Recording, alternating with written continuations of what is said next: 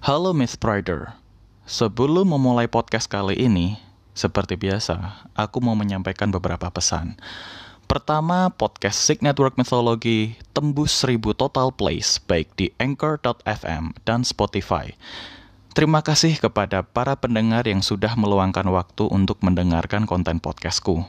Yang kedua, Ucapan terima kasih khusus kepada Mas Arnold Lukito yang sudah mendukungku di platform apresiasi kreator karya karsa. Apabila kalian juga ingin mendukungku, kalian bisa ke www.karyakarsa.com slash podcast mitologi karena dukungan kalian akan membantuku untuk terus berkarya. Yang ketiga, ada segmen baru yang akan membahas aneka ragam dunia tarot, feng shui, horoskop, dan zodiak dalam sudut pandang sejarah bernama Arcana Cards. Terakhir, Season 2 podcast Sig Network Mythology akan berakhir di bulan Desember tahun 2019 ini. Terima kasih kepada para kontributor, co-host, dan juga para pendengar sekalian yang sudah mendukungku, membantuku menjadi tamu di podcastku dan mendengarkan konten podcast Sig Network Mythology selama season 2 ini. Untuk season 3 masih belum bisa kujadwalkan karena setelah season 2 Sig Network Mythology, aku akan fokus membuat cerita mistik mengkomentari horor di publishing podcast pertama Indonesia bernama podium.id. Tapi mungkin di sela-sela kesibukanku di podium.id, apabila ada bahasan mitologi yang menarik, aku akan tetap upload episode terbaru podcast Sig Network Mythology dalam judul besar episode spesial. Terima kasih dan selamat mendengarkan episode podcast Sig Network Mythology kali ini.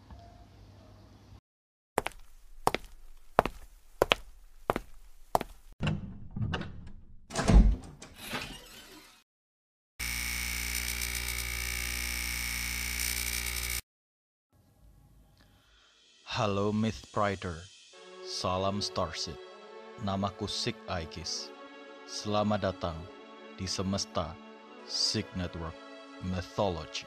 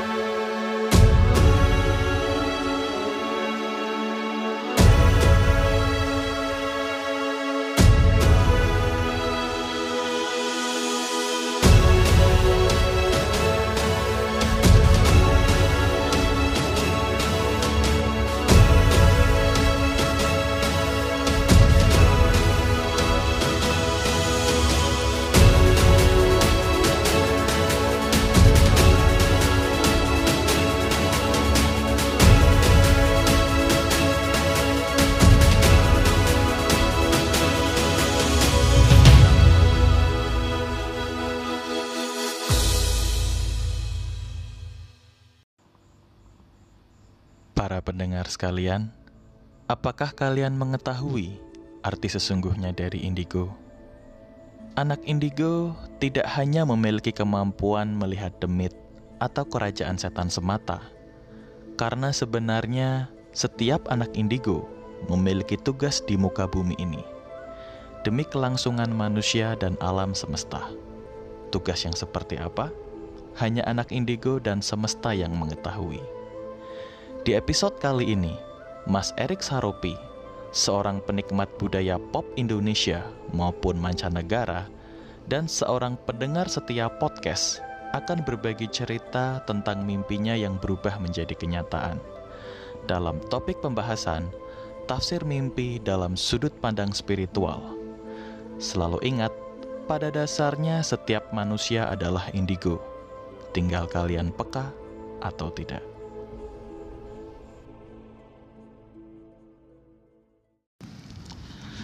Halo semuanya, salam Starset, namaku Sekai guys ya. Di kesempatan kali ini aku sedang bersama seorang penikmat podcast yang bernama Mas Erik Saropi. Kenalin diri Mas. Ya baik. eh, selamat sore. Kebetulan sekarang sore. Ya sore. Saya dengan Erik Saropi. Saya kebetulan eh, salah satu penikmat eh, podcastnya Masik. Iya. dan sore ini saya diminta untuk berbagi cerita, berbagi konten. Oke. Sip. Iya. Nah, kan eh, podcastku ini tentang mitologi ya. Jadi bisa dibilang sih ini self proclaim saja sih. Jadi podcast mitologi pertama di Indonesia gitu. Hmm. Nah, eh, tentu saja yang akan dibahas tentang hal-hal yang berkaitan dengan mitologi. Nah, kebetulan eh, Mas Erik ini punya cerita yang cukup unik. Nah, bisa diceritain nggak ceritanya seperti apa? Oke, jadi em, ini berhubungan sama mimpi ya. Hmm, Oke, Oke, menarik jadi- sekali. Ya, jadi em, beberapa kali saya mimpi. Mm-mm. Saya pikir mimpi itu hanya sekedar eh, bunga tidur aja. Nah, ternyata mimpi itu kayak semacam refleksi masa depan saya dalam beberapa bulan ke depan. Oh, menarik sekali. Nah, jadi kebetulan eh, mimpi itu sempat saya alami lebih dari tiga kali seingat saya. Dan ketika Hmm. saya bangun dari mimpi, saya masih ingat tentang eh, eh, ambience atau nu- nuansa atau suasana eh, di dalam framing mimpi itu. Kemudian siapa-siapa saja yang ada di dalam mimpi itu. Kemudian juga eh apalagi ya keadaan ataupun perasaan saya ketika framing dalam mimpi itu gitu loh. Nah jadi mungkin yang eh, sedikit saya sharing adalah yang saya masih ingat adalah em, saya waktu itu mimpi saya adalah saya masuk ke dalam suatu lorong. Di dalam lorong itu em, saya pakai jaket. Yang saya ingat itu saya pakai jaket. Kemudian di sekitaran saya itu ada anak kecil.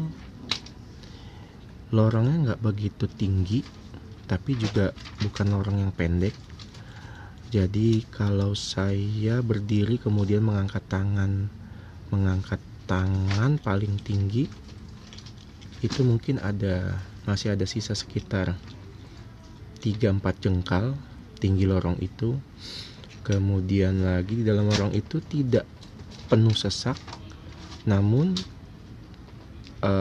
orang-orang di dalam lorong itu berjalan dari pintu masuk menuju ke pintu keluar. Suasana di lorong itu nggak pengap eh, kebetulan dingin dingin seperti di puncak eh, tapi membahagiakan banyak anak kecil yang bergandengan dengan orang tuanya. Kemudian lagi eh, suasana hati saya sangat-sangat senang membuncah. Em, begitu begitu begitu eh, saya menikmatinya momen tersebut.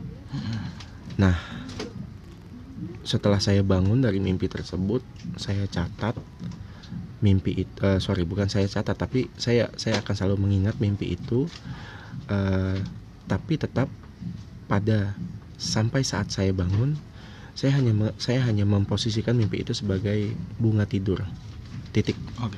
tidak menggambarkan hal-hal yang saya inginkan atau apa Hmm. sampai sampai di 2017 bulan November jadi kurang lebih sekitar dua tahun yang lalu saya pertama kali ke Jepang dan memang salah satu bakat list saya ke Jepang itu saya harus mampir ke museum Fujiko F Fujio. Nah museum Fujiko F Fujio itu adalah eh, museumnya pembuatnya Doraemon mangakanya Doraemon posisinya ada di Kawasaki sekitar dua jam dari Tokyo. Saya ke sana. Nah saya tidak ada eh, feeling apa-apa ketika saya menuju ke sana. Karena saya pikir ya udah saya akan ke sana saya akan bersenang-senang sa- eh, satu hari saya di sana sendirian dan eksklusif buat saya. Itu aja yang saya pikirkan.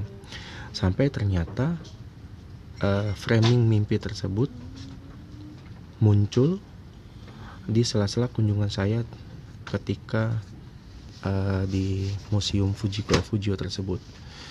Jadi em, di salah satu ruangan eh, di museum Fujiko Fujio itu ada terowongan terowongan itu menghubungkan antara um, ruangan yang satu dengan ruangan yang lainnya. Hmm. Jadi kalau nggak salah ruangan saya lupa itu uh, antara dari ruangan bioskop menuju ke backyard atau dari ruangan bioskop menuju ke perpustakaan. Tapi yang jelas ada ada satu ada satu jalan yang ternyata itu lorong. Lorong itu lorong itulah yang tergambarkan di dalam mimpi saya beberapa waktu sebelum saya ke Jepang. Hmm.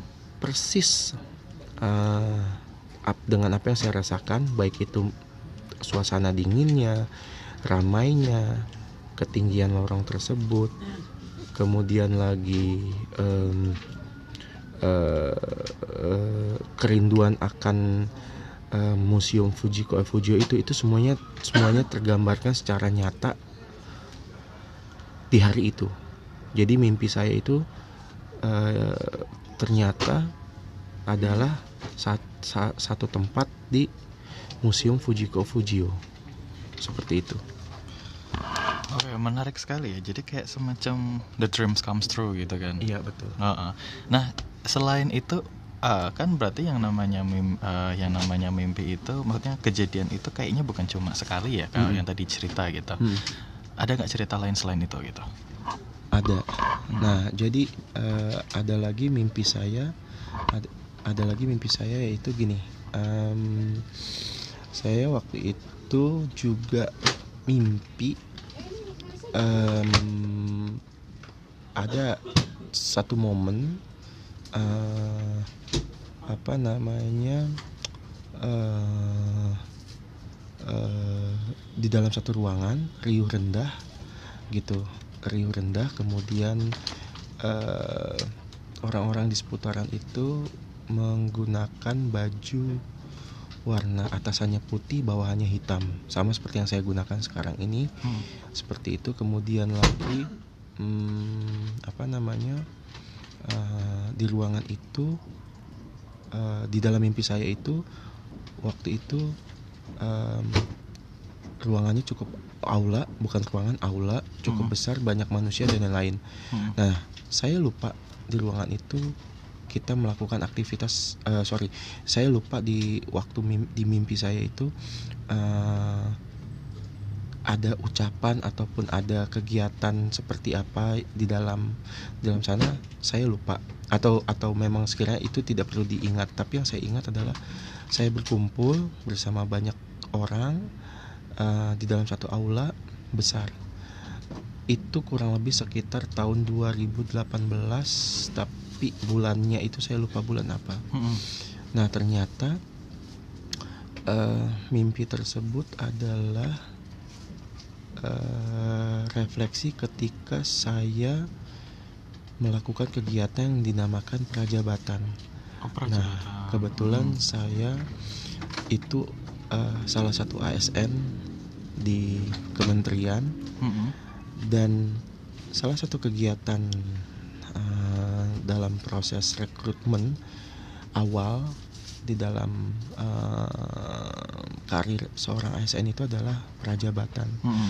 Nah, di aula tersebut merupakan proses ataupun merupakan kegiatan prajabatan atau kalau misalkan di perusahaan swasta itu seperti uh, apa ya? Uh, seperti kegiatan ospek ya, mm -hmm. seperti ospek. Kalau di kampus ospek. Kalau di sorry kalau di kampus itu seperti ospek, jadi mm -hmm. pengenalan terhadap kementerian, kemudian pengenalan terhadap uh, apa namanya pekerjaan kita, mm -hmm. kemudian pengenalan terhadap uh, direktorat yang kita akan uh, jalani mm -hmm. gitu loh, mm -hmm. sebagai tanggung jawab kita dan seterusnya. Nah jadi framing mimpi itu merupakan uh, refleksi ke, ketika kegiatan prajabatan dan itu kurang lebih sekitar 90% sama. 10% yang miss itu adalah adalah bunyi-bunyian yang tidak tidak terekam dengan baik di uh, di otak saya ketika saya terbangun dari mimpi tersebut di tahun 2018 gitu. Tapi kalau untuk suasana panas, keringetan, banyak orang pakai baju hitam uh, pakai baju hitam atasan hitam dan bawahan putih kemudian uh, di aula kemudian ada panggungnya dan seterusnya itu semua terekam dengan baik dan itu nyata dan itu kejadian ketika tahun 2000, 2010 gitu Oh. mimpinya 2008 Uh, udah berarti ada jarak sekitar dua tahun ya antara mimpi dengan kejadian aslinya. betul Kayak pada saat waktu ke Museum Doraemon itu berarti mimpinya dua tahun yang lalu, baru kejadiannya 2017 gitu ya. Eh, kalau yang Doraemon itu kurang lebih saya mimpinya Januari atau Februari eh, ke Jepangnya November tapi Oh. kalau yang mimpi Prajab itu mimpinya itu 2008 kalau nggak salah dan Hmm. Prajabnya di 2010 Oh, jadi dua tahun berselang tahun. Betul tahun berselang. Jadi kayak semacam ada time uh, travel time ya bisa dibilang time travel dan ada jeda waktu untuk akhirnya mimpi itu terwujud. Hmm. sebenarnya kalau masalah mimpi yang setahu yang saya pelajarin ya, tapi Hmm. bukan berarti saya mempelajari ada adalah saya akan mutlak untuk mempercayai karena Hmm. kembali lagi ke mitologi. Mitologi itu ilmu yang masih sebatas mitos gitu. Hmm. dan eh, yang pernah saya baca, yang namanya mimpi itu bisa mimpi yang terutama mimpi yang menjadi kenyataan ya, itu adalah sebuah eh, kejadian yang kita sebut dengan yang kita sebut dengan nama kewaskitaan. Hmm. Jadi kewaskitaan ini simpelnya gini, kayak semacam cenayang atau semacam eh, orang indigo lah yang dia bisa melihat masa depan gitu. Tapi apakah kewaskitaan ini hanya sebatas orang indigo saja yang memiliki? Tidak juga gitu. Semua orang memiliki, tinggal kita peka apa enggak gitu. Nah, kewaskitaan ini kalau dalam bahasa Inggris disebutnya clairvoyance. Kalau dalam cakupan ilmunya atau cakupan istilahnya adalah the eight clair uh, the eight clair senses yang pernah saya bahas di episode uh, episode pertama season 2 itu tentang membedah referensi di Senseiya pada saat itu. Istilah lainnya namanya arayashiki gitu. Ini salah satu kemampuan yang dimiliki oleh Virgo Saka pada saat itu. Nah, eh, apakah kewaskitaan ini identik dengan kejadian yang eh, menjadikan kita bermimpi itu menjadi nyata? Itu adalah salah satu contohnya. Itu salah satu bisa dibilang salah satu ke- pembuktinya lah bahwa kejadian mimpi itu bisa menjadi nyata. Tingkatan lanjutnya kita bisa mengendalikan mimpi, tapi itu it's so beyond. Jadi kayak masih terlalu jauh banget lah gitu, nggak nggak bisa kejangkau gitu. Nah, eh, aku pun juga pernah punya cerita yang sama nih bang. Jadi kayak punya cerita yang sama juga waktu itu juga. Eh, lebih tepatnya sih kejadiannya nggak begitu mungkin kejadiannya nggak begitu apa ya mau maksudnya nggak begitu momenful lah. Jadi kayak nggak nggak nggak memiliki momen yang bisa aku menjadi menggebu-gebu suka gitu. Tapi ah kejadian ini yang menuntunku sekarang menjadi seorang podcaster. Hmm. gitu. Pada saat itu eh, ini saya juga sedikit cerita. Jadi kayak eh, pada saat itu saya ketemu dengan seorang IO IO di sebuah mall Hmm. sebut saja BIP mall di Bandung karena saya dulu kuliah di Bandung Hmm. Eh, pada saat itu ketua IO-nya Hmm. meminta saya secara langsung untuk dibacakan feng shui Oke. Ah. D- dengan seorang kenalannya pada saat itu kebetulan i- eh, s- eh, CEO saya eh, Chinese jadi kayak Hmm. ya dia pada saat itu juga eh, acaranya juga Chinese Hmm. eh, pas waktu Gongsi Facai kalau nggak Hmm. salah. Nah itu eh, kurang lebih tahun 2013 kalau nggak Hmm. salah. Nah eh, pada saat itu saya orang yang cukup skeptis ya dengan Hmm. dunia-dunia seperti ini ya gitu dan eh, pada saat itu disuruh membacakan feng shui atau bisa juga feng shui ya namanya Hmm. ah, itu itu diri saya ini seperti apa di masa depan pada Hmm. saat itu Hmm. nah saya nggak percaya nih gitu karena apa pun yang berdasarkan cenayang atau apa wah saya tidak percaya karena Hmm. saya orang eksakta Hmm. jadi kayak ya udah nggak percaya nah tapi karena nggak enak hati Hmm. karena udah dikenalin udah dikasih tahu price listnya ya Hmm. kita sebagai orang yang eh, apa sih Menghargai. menghargai gitu kan nggak enak dong kalau misalkan nggak nggak gak minta jasanya dia Hmm. gitu walhasil saya minta jasa ke dia gitu Hmm. dan di situ ada satu kata-kata yang sampai sekarang nggak akan saya lupakan sekalipun saya menjadi seorang podcaster Hmm. yaitu ketika umur 27 tahun Hmm. kebetulan saya 27 sekarang Hmm. kamu akan menemukan karirmu karirmu adalah ngomong Oh. dan itu kejadian tahun 2013 pada Hmm. saat saya sedang pengennya banget bikin komik Hmm. Gitu. Waktu itu zamannya zaman zamannya Nusantara Ranger. Hmm. nah waktu itu kayak ah nggak mungkin nih maksudnya. Saya ini pasti kibulan nih nggak Hmm. mungkin lah gitu. Hmm. saya kan pengennya ini kan masih bisa mengubah masa depan.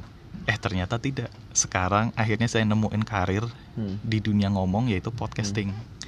Gitu. Nah saya mendalami ilmu ilmu uh, maksudnya akhirnya belajar kan dengan kok bisa sih feng shui ini bisa sedemikian mirip gitu Hmm. karena ternyata feng shui ini juga berbasiskan dengan araya shiki atau the eclair sense atau kita sebut tadi kewaskitaan Hmm. gitu. Salah satu aspeknya ternyata itu. Ternyata dia bisa mengetahui orang lain itu dari di eclair sense-nya orang-orang gitu, Hmm. bukan. Jadi berarti bahasan ini empiris dong, Hmm. gitu. Gitu sih Bang kalau cerita versiko. Nah, kira-kira menurut pandangan Abang gimana dengan kejadian seperti itu? Apakah itu akhirnya menjadi mistis atau seperti apa gitu? Sebenarnya sih kalau misalkan saya pribadi eh, saya mempercayakan hal tersebut gitu kan. Tapi berhubung em, kembali lagi karena saya tipikal manusianya yang eh, visual ya, visualis ya. Mm-mm. Visualis kalau di dalam ilmu psikolog itu kalau nggak salah saya visualis. Jadi memang segala sesuatunya itu harus dapat bisa diukur, kemudian eh, ada wujudnya atau ada objeknya Mm-mm. sehingga eh, pada akhirnya ketika misalkan op- eh, hal tersebut terjadi hmm, pun juga kalau misalkan mi- eh, mimpi ter- misalkan mimpi misalkan Mhm. mimpi mimpi tersebut eh, menurut saya menurut saya eh, baik ataupun kurang baik bagi saya itu hanyalah sebagai bunga mimpi gitu loh Mm-mm. pun juga kalau seandainya itu pun terwujud eh, saya tidak akan menghubungkannya dengan mistis Mm-mm. karena memang eh, mungkin eh, saya sebagai manusia visualis eh, mimpi itu merupakan kayak semacam eh, apa ya cambuk bagi saya saya harus bekerja dengan giat agar saya bisa ke dalam satu tempat tersebut meskipun Mhm. saya tidak tahu apa tempat tersebut tapi saya merasanya saya merasakan tempat tersebut itu menyenangkan nyaman enak eh, fun dan memang tempat tersebut adalah tempat yang sudah lama saya saya idam-idamkan seumur hidup saya Mm-mm. seperti itu. Nah, eh, selanjutnya adalah kalau saya gimana ya? Kalau saya pun mimpi itu menjadi kurang baik, mimpi itu Hmm. menjadi kurang baik ke Hmm. saya ya mungkin ya mungkin saya ini sih eh, apa namanya eh eh, akan akan menghindari hal-hal yang tidak yang tidak yang tidak saya inginkan yang memang memang eh, muncul atau tervisualkan di dalam mimpi saya seperti itu. Mm-mm. Oke, nah berarti uh, berarti kan ada banyak nih ya, maksudnya ada ada, ada banyak kejadian lah kalau yang tadi cerita itu. Kira-kira kalau di counting as a number gitu, berapa kali Mas uh, Erik ini mengalami hal itu gitu? Counting as a number aja gitu, berapa kali gitu? Hmm, so far ya so far Mm-mm. yang saya ingat itu sih yang saya ingat yang saya ingat dalam artian Mm-mm. mimpinya saya catat itu Mm. Kurang lebih sekitar tiga kali Mm. tapi kalau saya kebangun karena ada mimpi yang spesial itu pas saya yakin sih lebih dari lima kali gitu tapi yang menurut saya ingat karena memang Hmm. sekiranya mimpi itu kayak cukup berkesan dan uh, saya highlight itu tiga kali itu gitu loh jadi Hmm. mimpi yang ternyata di Doraemon kemudian mimpi yang uh, ternyata saya perajab satu lagi itu mimpi waktu itu uh, saya punya anak kalau nggak salah gitu Hmm. jadi saya sempat uh, gendong ada sesosok manusia bayi Mm-mm.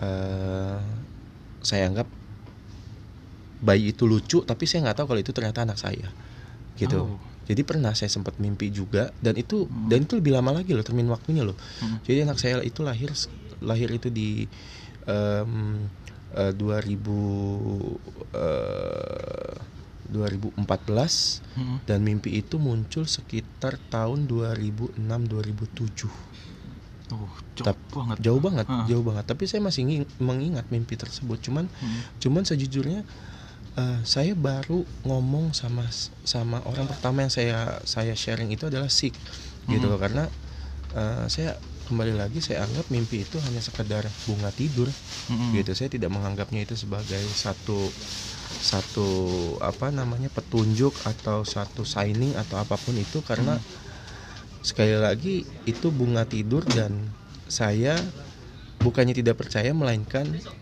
cukup mengabaikan sih Hmm, gitu. hmm. sampai akhirnya memang em, yang saya ingat tiga kali tapi yang saya rasakan lebih dari lima kali kalau memang sekiranya ada ada ada mimpi-mimpi yang saya highlight. Bahkan sampai mungkin eh, saya berjanji gitu kalau saya mim- mimpi lagi yang memang sekiranya mengesankan mungkin akan saya catat saya Mhm. catat untuk membuktikan bahwasannya saya ya apa ya ti- time travel ya time travel atau bisa bisa disebut atau, time travel sih sebenarnya. atau apa ya perjalanan waktu atau Iya. apa ya Penjelajahan waktu. penjelajahan waktu yang Iya. yang memang jadi gini saya kebetulan bukan orang tipikal gini sih saya bukan tipikal orang yang ambisius Hmm, oke. gitu oke. loh biasanya kalau yang saya baca ya Hmm. orang yang orang yang eh, mampu mewujudkan apa yang dia inginkan itu adalah eh, orang yang punya ambisi yang cukup besar gitu Hmm. ambisi dalam menentukan target apa pun itu mau dia bentuk barang mau dia bentuk jabatan dan lain-lain Hmm. sedangkan saya tuh tipikal orangnya ya eh, lebih ke eh, let it flow gitu Let it flow udah ngalir aja udah. ngalir aja nggak Ah. ada nggak ada ini nggak ada nggak ada apa nggak ada beban gitu loh Iya. jadi kalau emang sekiranya memang udah waktunya saya mendapatkan ya udah saya dapatkan tapi Hmm. bukan berarti besok harus saya dapatkan atau saya mati-matian untuk mengejar satu momen tersebut enggak juga gitu Mm-mm. loh jadi benar-benar saya ikhlas Mm. apa adanya mengalir begitu saja Hmm. tetapi saya yakin suatu saat saya pasti sampai ke sana Hmm. gitu itu aja sih prinsip saya Hmm. gitu jadi bukan tipikal yang ambisius bukan tipikal yang mengejar mati-matian Hmm. tapi juga saya mampu ataupun eh, bisa memproyeksikan kira-kira apa yang saya lakukan ketika saya sampai di sana Hmm. gitu loh jadi saya Hmm. tipikal yang kayak begitu Jadi kayak apa ya? i- menikmati proses ya. Menik ya betul menikmati proses benar-benar. Hmm. menikmati proses sampai ke sana dan sampai dan sudah sampai di sana saya menikmati detik demi detik apa yang saya rasakan sehingga sampai pada poin di mana oh ini salah satu momen yang muncul di mimpi saya dan saya harus me, me- apa istilahnya? Me- Mengabadikan atau- mengabadikannya betul. Ah, mengabadikannya gitu nah sayangnya yang yang waktu di yang waktu di apa di terowongan yang di museum Doraemon itu Hmm. saya tidak saya tidak mengabadikannya karena tidak boleh Hmm. gitu jadi kita tidak boleh menggunakan HP gitu untuk Mm-mm. me- merekam hal-hal tersebut gitu kan nah jadi saya saya nggak saya nggak ini saya nggak sempat mengabadikannya Hmm. gitu tapi tapi eh apa ya Eh, tapi ya kalau saya disuruh cerita ya cukup cukup jelas runutannya hingga sampai hingga sampai detailingnya saya masih bisa mengingatnya gitu loh baik Hmm, itu dalam dalam proses mimpi maupun dalam proses nyatanya gitu. Oh gitu. Mm-mm. Oh ya jadi ada tiga mimpi yang memang bisa dideskripsikan secara jelas, Hmm. gitu. Cuma yang lima lebih dari limanya itu tidak terdeskripsikan. Mm-mm. Mm-mm. Oh gitu. Jadi kayak eh, tapi memang benar sih ini bisa dibilang mungkin ya mungkin ini ini masih praduga saya aja sih. Mungkin Mas secara tidak Bang Erik ini mungkin secara tidak sengaja Hmm.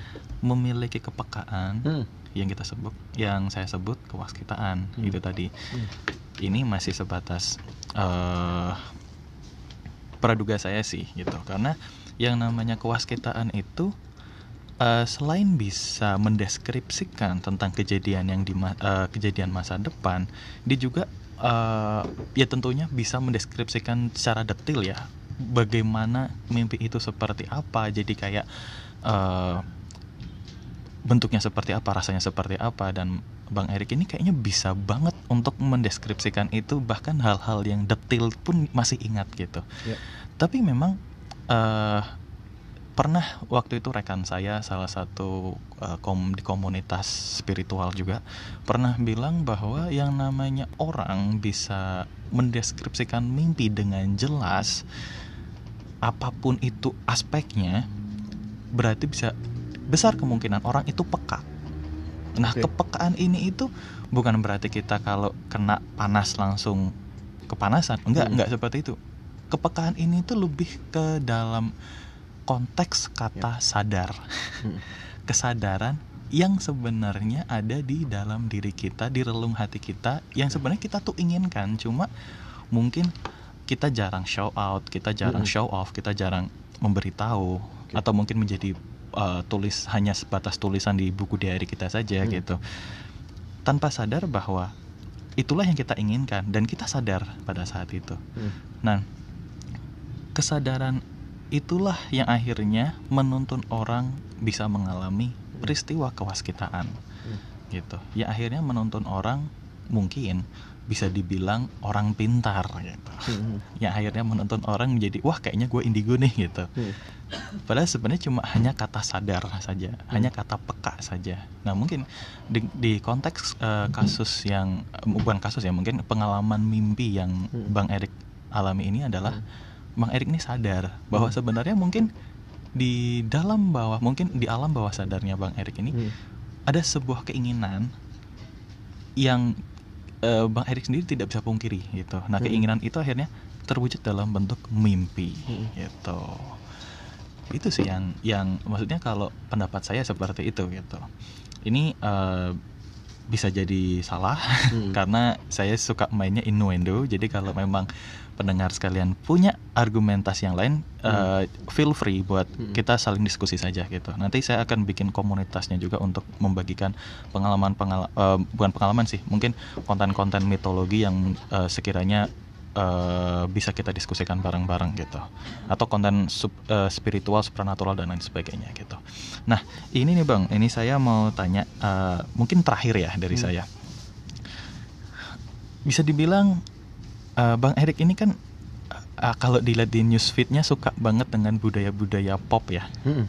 Budaya pop culture gitu ya. Hmm. Ada nggak sih ah, konten, bukan konten sih ya, karya yang berhubungan dengan mimpi mungkin atau berhubungan dengan mitologi mungkin yang menjadi favorit eh, Bang Erik ini sendiri, gitu. Eh, kayak tadi eh, Sik bilang Senseiya ya. Mm-mm. Senseiya itu saya saya saya juga cukup suka tuh Senseiya tuh. Oh, Senseiya. sama berarti. Sama saya salah satu koleksi action figurnya ada sih Seiya tuh. Seiya. oh, yang mana? Seiya yang armor yang pertama sih, armor dasar, armor Yang masih pakai helm. yang masih pakai helm. Oh, gila, betul. keren-keren. Yang masih pakai helm. Old school banget, gila. Oh iya old school betul. Dan saya sih nggak justru saya nggak suka yang eh ini melenceng sedikit ya. Saya Iya. saya nggak suka yang dia udah model crown ya. Oh, ya nggak Gitu. apa-apa. Ini kan podcast suka-suka. Oh, iya, iya. saya saya nggak suka itu karena menurut saya memang yang old school itu yang versi eh, siapa Iya. uh, mangakanya.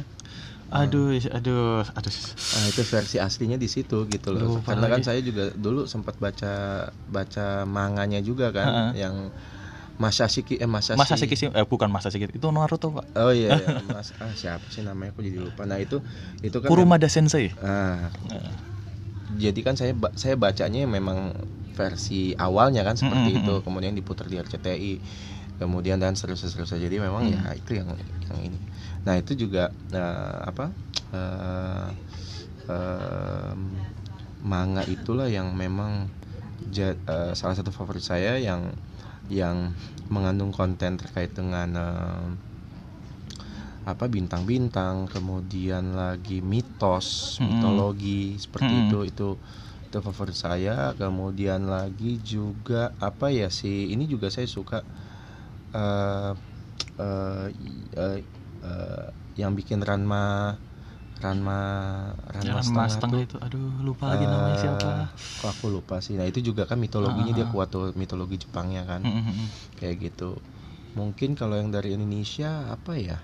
nah ini yang Indonesia nih saya penasaran nih Yang dari Indonesia eh, akan ada sih, akan ada eh, judulnya itu, eh, duh saya lupa lagi judulnya apa ya. Jadi dia eh, pri- ininya prinsipnya live live action. Dia dia live action. Nah dia pakai eh, dia dia seperti em, Super Sentai. Mm, Uh, dan dia juga live action tapi dia pakai mitologinya itu base-nya dari uh, suku-suku di Indonesia. Gitu. Jadi ada suku Oh. Jawa di tam- di suku Jawa uh, su- sorry.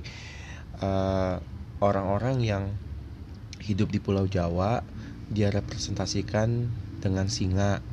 Kemudian kalau yang Papua itu dengan burung kalau Kalimantan itu dengan orang utan. Kemudian kalau Sumatera itu apa gitu. Mm. pokoknya nanti nanti baru baru mau muncul aku duh aku lupa lagi judulnya apa. Nah itu itu sih yang yang ini yang apa ini saya boleh nebak nggak nih apa tuh apa tuh Balpil Binekas oh bukan iya betul betul betul nah itu dia keren itu kan dia. saya tahu iya iya iya, iya. Balpil iya iya Balpil Karena Minekas. yang bikin namanya sama-sama kayak Mas Erik Masa- namanya juga Erik juga kan Oh, iya, iya. Erik Senopati yang bikin Oh iya iya, Iya. iya. Eh, Erik Senopati itu yang ngegambarnya gitu, Ah, tapi ah, ah. yang punya IP-nya itu Pak, Pak. siapa namanya ya? Balpil itu Pak Dia- dia- Holip, Pak Holip. Oh, Pak Holip, ya. Yang punya Oke. IP-nya itu Pak Holip. Ah, oke, tapi yang oke. gambarin benar Mas Erik Senopati. iya That's right. ya saya kenal akrab soalnya dengan Mas Erik Oh iya, iya, satu iya, grup iya. soalnya Oh iya iya iya. oke nah kalau Inception suka nggak Suka suka banget ya enggak banget sih tapi eh, cukup suka apalagi si Inception itu kan sutradaranya si Christopher Nolan si Nolan kan. Iya. Nolan memang dia dalam membangun perspektif dalam film itu ya emang orang gila sih gitu. Jadi menurut saya saya suka saya suka. Oke.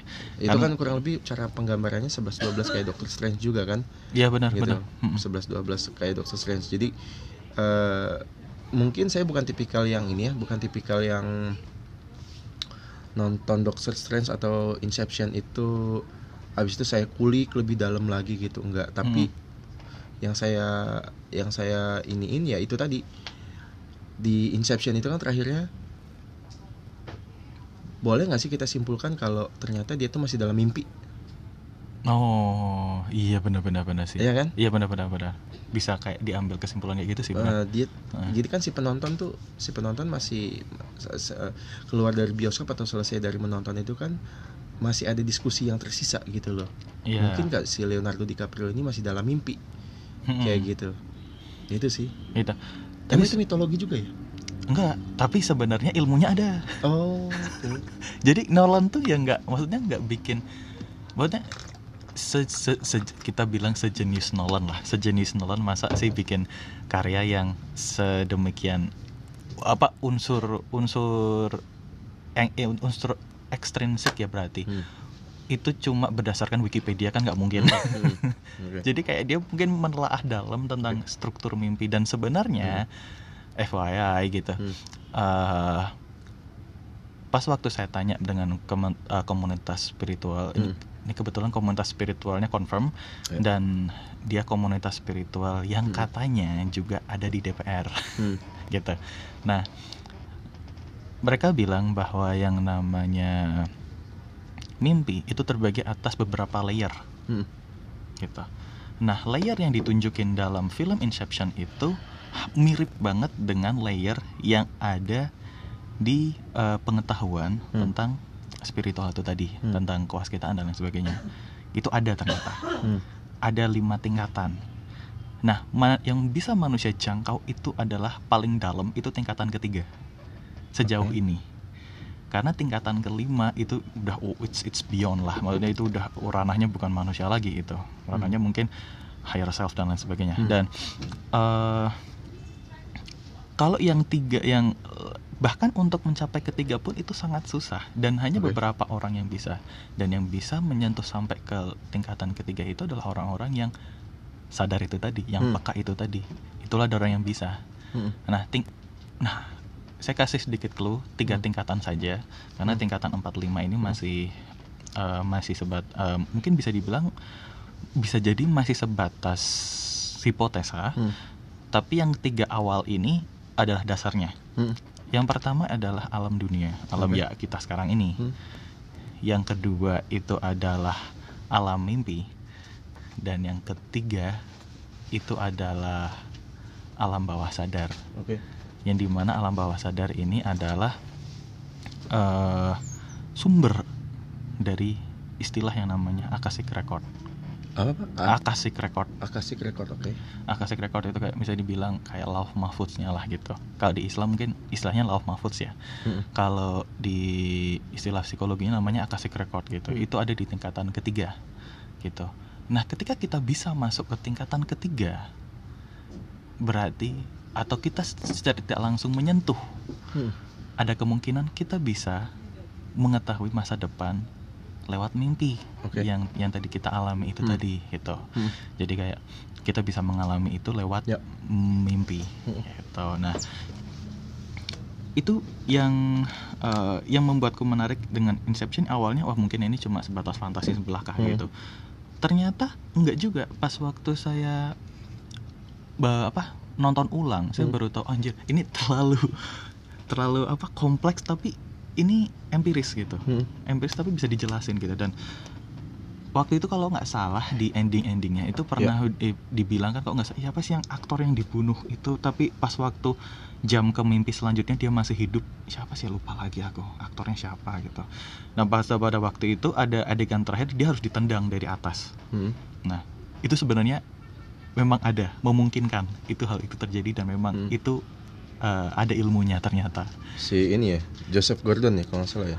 Ah, J- China ini nih Ken Ken Watanabe kalau nggak salah Oh, Ken Watanabe. Oke. eh yang yang yang dia dibunuh kalau nggak Ah, salah ah, habis itu ditendang dari Hmm, atas hmm, dia baru hidup hmm, lagi gitu itu yang yang eh, saya pikir tadinya wah ini cuma ah mungkin ya cuma sebatas hal-hal yang random lah atau Hmm. mungkin imajinasi Hmm. eh, si Nolan aja ternyata enggak dan dan percaya apa enggak si Nolan juga ternyata penggemar anime juga Oh ya. dia penggemar anime ternyata Hmm. dan dan kita tahu bahwa yang namanya karya itu berdasarkan uh, sesuatu hal yang namanya riset gitu Ya. dia pasti riset dulu sebelum dia Hmm. bikin gitu jadi kalau aku bilang sih Inception cukup menarik kalau kalian pengen memahami apa itu tentang mimpi gitu Hmm. nah kira-kira sebelum berakhir banget nih ada nggak yang mau disampaikan dari Mas Erik terkait dengan pengalaman yang dialami Paling sih gini kalau aku ya, Mm-mm. eh, karena aku kembali lagi secara psikolog itu aku kan orang visual. Hmm. Eh, jadi setelah berkali-kali mengalami kejadian seperti ini, hmm, kalau menurut menurut musik kira-kira apakah aku harus harus terus mengabaikan saja atau tetap atau tetap nanti ada porsinya aku itu mm, melakukan highlight tersendiri terkait dengan Ah, mimpi, Eh, itu mimpi tadi. itu heeh. karena karena kan ada orang bilang kata mimpi itu bisa jadi kayak semacam eh, bukan clue apa ya istilahnya ya kayak sight sight ya kayak Hmm. sight gitu Hmm. kan kayak sight nah ketika itu udah jadi sight itu kan itu kayak menjadi petunjuk ya Mm-mm. petunjuk buat kita agar eh, entah itu lebih hati-hati atau apa gitu nah padahal di satu sisi karena saya itu orangnya visualis Hmm. jadi terkadang saya itu benar-benar mementingkan logika bukan perasaan Betul. gitu loh. Ketika logika saya be- ketika logika saya itu be- berkata bahwasannya itu belum mungkin atau itu itu tidak mungkin, ya saya tidak akan mempercayainya sampai kapan pun juga gitu. Bukan Hmm. nggak mempercaya tapi tapi melainkan begini. eh, tingkat kepercayaan saya akan sangat rendah Hmm. gitu. Hmm. Sama halnya kayak misalkan eh saya percaya ketika kita ngomong berdua saat ini Hmm. pasti ada aja eh, makhluk ciptaan Tuhan di Hmm. sekitar kita yang Hmm. tidak yang tidak tampak gitu Betul. kan. Saya percayakan hal tersebut tapi kepercayaan saya sangat rendah. Hmm. Nah, itulah yang saya rasakan ketika saya tergambarkan secara visual dalam mimpi terkait Hmm. terkait fragmen satu kejadian dalam hidup saya. Oh gitu. Nah, nah makanya jadi menurut Sik apakah saya harus percaya atau atau atau itu tetap saya memposisikan itu sebagai bunga tidur karena kejadiannya sudah lebih dari Sekali. sekali gitu loh. Dan yang benar-benar saya ingat dan saya rasakan tuh sudah beberapa kali Mm-mm. gitu. Menurutmu gimana? Kalau menurutku simple. Hmm. Mengamati saja. Oke. Karena eh, seperti yang pernah salah satu rekan saya bilang bahwa yang namanya manusia itu kadang mungkin eh, mungkin dibuai. Ada yang dibuai dengan mimpi, ada yang dibuai dengan kepalsuan. Oke. Maka dari itu tugas manusia sebenarnya adalah sadar, menyadari dan Hmm. mengamati saja. Oke. Gitu. Se- Sejauh mana mimpi itu akan bergerak dan Hmm. sejauh mana pikiran itu akan eh, menuntun kita untuk Ya. melakukan sesuatu dan sejauh mana keinginan kita akan eh, melaju yang akhirnya berlandaskan emosi dan lain sebagainya gitu. Hmm. Kalau saran saya adalah yang terbaik mengamati saja, mengamati bukan mengamati objeknya, bukan mengamati goals, Hmm. bukan mengamati determinasi atau keinginan awalnya, Hmm. tapi mengamati predikatnya atau bisa dibilang kita mengamati keseluruhannya. Karena Oke. karena itu yang dinamakan ikro. kita mengamati saja udah. Oke, jadi mengamati itu mengama hanya mengamati tanpa adanya satu bentuk Tindakan. tindakan. Tidak tidak perlu tiga, amati saja udah. Se- Sesederhana itu. Em, misalnya pun pada akhirnya pengamatan itu menjadi eh, salah sa- menjadi menjadi salah satu faktor yang menentukan tindakan kita. Apakah itu salah atau benar? Kalau kata temanku sih mungkin bisa jadi salah karena ketika kita ter kan itu berarti ada proses mempengaruhi ya. Mhm. Dari itu ada proses mempengaruhi. Nah, ketika kita dipengaruhi oleh eksternal, otomatis ada emosi di situ. Hmm. Nah, ada emosi di situ pasti ada kekecewaan. Oke. Pasti ada kekecewaan, pasti ada euforia. Nah, daripada kita terlalu memikirkan sesuatu yang sebenarnya belum tentu terjadi juga kadang gitu. Kadang Hmm. karena kan nggak semua mimpi itu menjadi kenyataan Hmm. Lebih baik kita amati saja udah Hmm. karena kalau dari yang saya lihat tadi yang Hmm. kasus em, bang Erik ini Hmm. bang Erik cuma mengamati saja Hmm.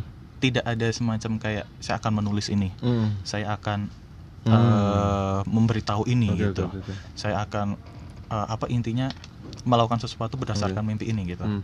sama seperti hal saya juga saya skeptis pada saat itu saya benar-benar Ya. skeptis saya tidak eh, tidak percaya bahwa saya akan menjadi seorang podcaster nantinya Hmm. gitu ya maka dari itu kita cukup eh, bijak untuk menyikapi ini dengan cara mengamati saja Hmm. Oke. gitu tanpa ada sebuah tindakan-tindakan karena Hmm. kalau kita eh, akhirnya mimpi itu menjadi sebuah landasan kita untuk bertindak Hmm. akan ada emosi di situ dan pasti ada kekecewaan dan pasti mungkin ada euforia juga kalau itu memang beneran kejadian. Tapi eh, ketika kita menaruh harapan yang tinggi pasti akan dibarengi dengan kekecewaan yang porsinya jauh lebih tinggi.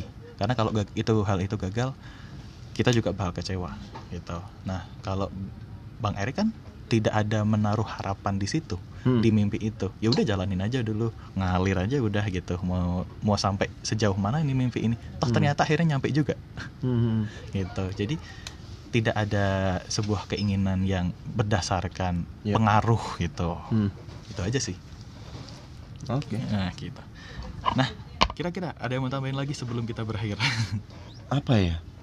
Eh, berarti intinya dalam hal ini terkait dengan mimpi itu tidak ada terminologi benar atau salah ya. iya gitu tidak ada benar atau salah pun juga tidak ada eh saya diwajibkan untuk percaya atau saya jangan diwajibkan untuk tidak percaya juga itu gak ada nggak ada maksudnya nggak ada gak ada tuntunannya. tuntunannya ya Heeh. kayak gitu tapi memang ada satu ada satu momen di mana kita juga harus eh, apa ya maksudnya ya itu tadi mengamati ya jadi Hmm. benar-benar seperti ya berarti tidak salah juga ketika se- eh, saya dapat gambarnya sangat jelas terkait dengan framing satu mimpi Mm-mm. kemudian saya ingat kemudian saya tuliskan bukan saya tuliskan saya ingat kemudian saya saya resapi sebagai bentuk pengamatan saya Mm-mm. yang mungkin suatu saat bahwasannya fragmen itu juga pasti akan muncul Mm-mm. seperti Hmm, Betul. itu Betul. pun juga misalkan eh, karena gini eh, kalau dalam mimpi da- kalau dalam fragmen satu fragmen dalam mimpi itu sifatnya positif sifatnya baik saya nggak takut Mm-mm, betul. gitu loh Mm-mm.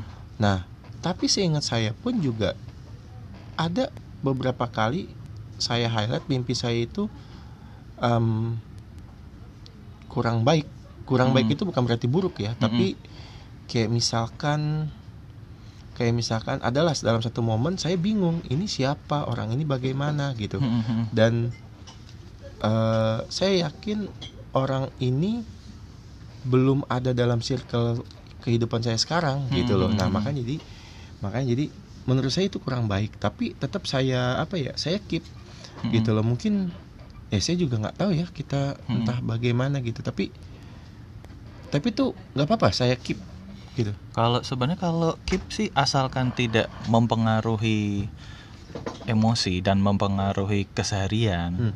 artinya tidak membuat pekerjaan jadi terbengkalai atau aktivitas Bang Erik ini terganggu gitu. Ya nggak Hmm. masalah sih sebenarnya karena mau di keep atau enggak ya just eh, just see it udah. Oke. Cuma kita lihat aja udah gitu. Jadi kayak tidak ada apa ya Jadi nggak ada beban ya. nggak ada beban. Nah, kita jangan terpatok dengan eh, ketika ngekip itu akhirnya menjadi beban, mending dihindari. Oh, kalau gitu ya. kataku, kalau keep itu akhirnya menjadi beban, mending dihindari. Tapi kalau ngekip itu cuma ya sebatas ma ya apa ya, cuma sebatas hiburan di kepala kita sih nggak masalah gitu. Hiburan. iya. Jadi sih memposisikan sebagai hiburan lucu juga ya sebagai hiburan ya. Ya mungkin bisa jadi semacam kayak bisa jadi bunga tidur juga bisa Hmm, gitu. hmm. Jadi kayak semacam kayak ya ya bisa dibilang kayak bukan sesuatu yang menjadi concern kita setiap hari sih kalau saya Oke, bilang. Gitu. Benar, benar, benar. Bisa jadi hiburan juga. Mungkin sesuatu yang bisa kita senyum-senyum sendiri kadang Oh, iya, iya, iya. gitu. Oke oke oke. Gitu Tapi sih. semuanya ini ya, maksudnya eh semuanya itu bisa ada ukurannya ya, sifatnya empiris semuanya ya. Jadi bisa Mm-mm. bisa dipelajarin, kemudian juga ada hukum sebab akibatnya seperti sampai sampai nanti bisa bisa diterjemahkan dalam satu teori gitu kan ya. Betul. Kalau Ini. pingin baca yang Oke. eh, pingin baca yang jelas, Hmm. saya ada referensi. Apa tuh? Psikologinya Carl Gustav Jung. Oh. Carl Gustav Jung atau bisa disebutnya Jungian. Kenapa saya merekomendasikan untuk membaca Carl Gustav Jung? Karena Carl Gustav Jung secara tidak sadar dia adalah penemu komposisi tarot pertama kali. Oke. Dan tarot itu adalah ilmu tentang bagaimana cara kita mengenali diri kita sendiri. Oke. Gitu. Dan teori-teori yang disebeberkan oleh Carl Gustav Jung adalah teori-teori dasar tentang kemanusiaan itu sendiri. Seperti contohnya saya pernah bikin komik judulnya Sinkrona pada saat itu. Hmm. Itu terinspirasi dari salah satu teori Carl Gustav Jung namanya synchronize, Mhm. synchronicity atau hukum tentang sinkronisitas di mana setiap kejadian itu pasti ada sebab akibat Hmm. gitu. Tapi sebab akibat itu tidak bisa kita deskripsikan. Kayak Hmm. misalkan kita membakar terus rumah kebakaran itu kan Hmm. berarti jelas. Hmm. Sementara sinkronisitas itu adalah akumulasi dari perbuatan kita, misalkan perbuatan dari contoh kata kayak gini. Hmm. Seorang petani eh, menanam padi, Oke. dia akan melakukan itu terus. Oke. Pada saat panen, Hmm. dia akan menuai hasil. Hmm. Nah, seperti itulah kayak eh, sinkronisitas. Analoginya seperti itu. Masalahnya kita nggak sadar nih apa Hmm. sedang apa yang kita kerjaan, eh, sedang apa yang kita kerjakan, Hmm. atau mungkin sadar juga Hmm. pada saat kita menerima sesuatu, Hmm. kita semacam it feel blessed. Kita semacam kayak oh ini keajaiban, ini apa gitu. Hmm, Kok hmm. tiba-tiba saya dapat angpau Hmm. 2 miliar ibarat Hmm. kata gitu. Padahal kita nggak sadar kalau sebelum dia mendapatkan ampau 2 miliar bisa jadi dia sering ngasih ke orang, sering Oh. apa gitu. Oh. Jadi ada sebab akibatnya gitu. Iya Jadi iya iya. itu yang kalau itu salah satu contoh sinkronisitas. Terus ada juga collective unconsciousness. Collective unconsciousness adalah ketidaksadaran kolektif. Hmm. Ketidaksadaran kolektif ini lebih ke sesuatu yang bisa sifatnya apa ya? eh hal-hal yang eh, apa ya? Hal-hal yang sebenarnya di luar kesadaran kita, Oke. tapi itu menjadi akumulasi dari eh, bentuk kejadian tertentu. Hmm. Bisa dibilang kayak apa ya? Contoh mungkin kayak kayak ini mungkin bisa jadi salah ya. Hmm. Tapi contohnya kalau nggak eh, kalau menurutku adalah manifestasi dari ketakutan kita. Oke. Jadi kayak kita takut akan sesuatu, misalkan kita takut lihat kita takut sama pocong deh. Setelah nonton pocong 2, Iya. kita takut gitu. Nah, ketakutan itu akhirnya menuntun kita untuk menyaksikan pocong itu sendiri. Padahal itu bentuk ketakutan kita sendiri, bentuk kolektif dari ketakutan kita sendiri. Itu salah satu contohnya. Itu sih yang saya pelajari dari Carl Gustav Jung. Jadi empiris sebenarnya.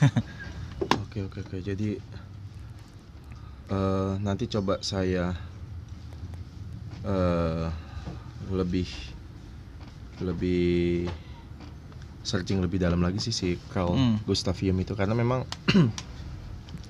eh, hambatannya sama si visualis ini adalah kita tidak mudah percaya begitu saja Betul. gitu loh. Jadi mungkin kalau misalkan ada kalau ada kelompok anti hoax, Mm-mm. komunitas anti hoax di Indonesia, Hmm. mungkin saya bisa jadi pemimpinnya kali gitu. Karena memang ketika ada berita disebar apa segala, itu pasti yang saya lakukan kalau saya lagi di depan komputer, Mm-mm. saya langsung searching berita terlebih dahulu gitu loh. Mm-mm. Nah, Betul. nanti setelah itu misalkan ternyata itu berita lama yang digoreng lagi gitu kan sama Hmm, hmm. seseorang. Nah, itu pasti saya bakalan saya bakal timpa lagi tuh link tersebut sama link yang hoaxnya tersebut. Mm-mm. Karena kenapa? Karena memang hmm, ya itu tadi karena alam bawah sadar saya selalu mengatakan bahwasannya saya saya itu visualis, saya itu orang yang eh, menyimpulkan sesuatu berdasarkan pengamatan, berdasarkan gambaran, bukan Mm-mm. berdasarkan apa yang dikatakan sama orang dan bukan berdasarkan pengalaman orang lain Mm-mm. gitu loh. Jadi lebih baik saya mengalami dan saya dengan rela hati saya akan sharing terhadap apa pun itu juga. Kecuali yaitu tadi yang mimpi ini karena mimpi karena si mimpi ini baru baru baru pertama kali saya sharing lebih lebih open ke sik Mm-mm. gitu ke podcast mitologi karena kenapa karena memang awalnya saya anggap itu sebagai bunga tidur Mm-mm. saya anggap itu sebagai hiburan seperti yang Sik Mm-mm. bilang Mm-mm. tapi ternyata itu bisa dihubungkan ke dalam satu hal yang sifatnya sistematik dan empiris dan bisa dipelajari dan memang ternyata itu ada di ilmu psikolog oke Iya, itu sih yang that's the beauty of mythology. oh saya baru tahu itu that's the beauty. Itu makanya yang kenapa saya dari awal yang saya orang yang skeptis dengan dunia seperti ini akhirnya jadi sedikit banyak memahami. Hmm. Bukan berarti 100% mempercayai karena mitologi, lagi-lagi mitologi ilmunya tentang mitos gitu. Hmm. Jadi kayak uh, sedikit banyak memahami atau sedikit banyak terbuka dengan wawasan yang ada Oke. gitu. Nah, eh, memang kalau bisa jadi apa ya? eh kalau saranku sih memang sejauh ini kalau mau mempelajari lebih dalam, banyakan sih di Carl Gustav Jung sih. Hmm. Tapi eh, ada juga mungkin eh, referensi-referensi lain nanti mungkin saya akan share di segmen eh, ini segmen di Instagram saya yaitu referensi hari ini karya Mesta. Hmm. Jadi saya akan eh, sharing beberapa buku yang kira-kiranya bisa menjadi acuan kita untuk memahami aspek-aspek yang ada di mitologi itu tadi. Oke, kayaknya ini waktunya sudah banyak panjang banget. Oke. makasih loh Sik udah Oke. udah mempersilahkan aku untuk sharing karena sejujurnya eh, bertahun-tahun aku simpen aja dulu sendiri gitu kan. Berarti ini eksklusif ya? eksklusif beneran beneran. Jadi aku memang memang memang menurutku juga aku aku sama ini orangnya cukup terbuka. Cuman memang kan hal ini kayak apa ya? Kayak bener sih kata kamu hiburan gitu kan. Kayak hiburan. Tapi ketika ditelisik lebih jauh lagi oh ternyata ada loh gitu loh. Ada loh. Ada ada poin yang bisa yang bisa kita sharing dan ya udah makasih banget udah mencerahkan gitu Oke, sama-sama. Mm-mm. Oke, pendengar sekalian, eh, segitu saja episode kali ini. Terima kasih sudah mendengarkan. Sampai jumpa di podcast-podcastku selanjutnya. Bye-bye. Para pendengar sekalian, seperti itulah ulasan episode kali ini.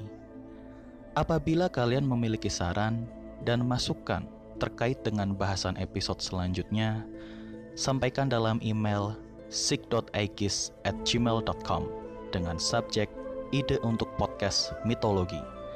Atau kirim pesan ke media sosial podcast Sig Network Mythology seperti Facebook, www.facebook.com slash podcastmitologi dalam kurung karya mesta, Twitter, www.twitter.com slash podcastmitologi, dan Instagram, www.instagram.com slash podcastmitologi.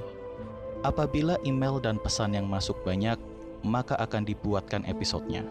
Sebelum episode kali ini berakhir, kita simak iklan berikut ini.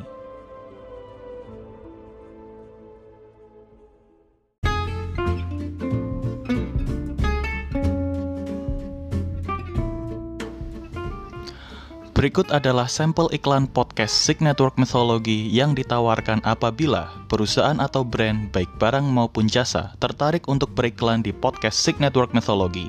Info lebih lanjut bisa email ke sig.igis@gmail.com. Perusahaan atau brand yang beriklan di podcast Sig Network Mythology akan dibuatkan iklan seperti berikut.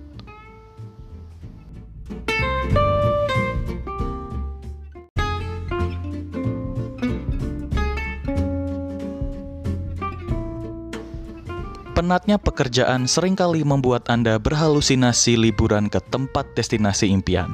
Tapi di Argonaut Travel and Express, semua halusinasi kalian akan menjadi kenyataan.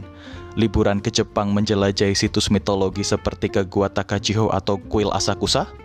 Liburan ke Yunani menjelajahi situs mitologi seperti ke kuil Athena Parthenon atau kuil Zeus?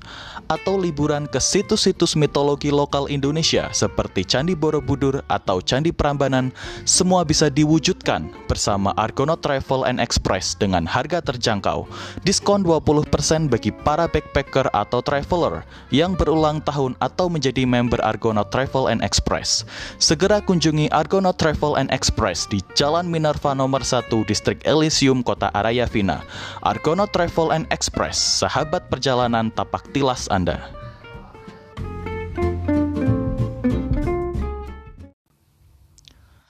Jangan lupa untuk selalu mendengarkan podcast Sig Network Mythology setiap hari Sabtu di aplikasi Anchor.fm, www.anchor.fm slash podcast mitologi, atau di aplikasi Spotify tinggal cari dengan kata kunci Sig Network Mythology Follow juga akun media sosial Sig Network Mythology seperti Facebook www.facebook.com slash dalam kurung karya mesta, Twitter www.twitter.com slash dan Instagram www.instagram.com slash podcastmetologi. Jangan lupa untuk mendukungku di platform apresiasi kreator bernama Karya Karsa di www.karyakarsa.com slash podcastmetologi Dukungan teman-teman pecinta mitologi sekalian akan membantuku untuk terus berkarya. Apabila kalian memiliki ide ataupun saran untuk episode podcast Sig Network Mythology, email saja ke sig.aikis@gmail.com dengan subjek ide untuk podcast mitologi. Ide terbaik akan dijadikan bahasan di episode selanjutnya. Terima kasih kepada para kontributor yang sudah memberikan masukan untuk episode kali ini. Terima kasih juga kepada kalian semua yang sudah mendengarkan podcast Sig Network Mythology. Sampai jumpa di semesta Sig Network Mythology selanjutnya. Aku, Sig Aikis pamit undur diri. Salam Starseed.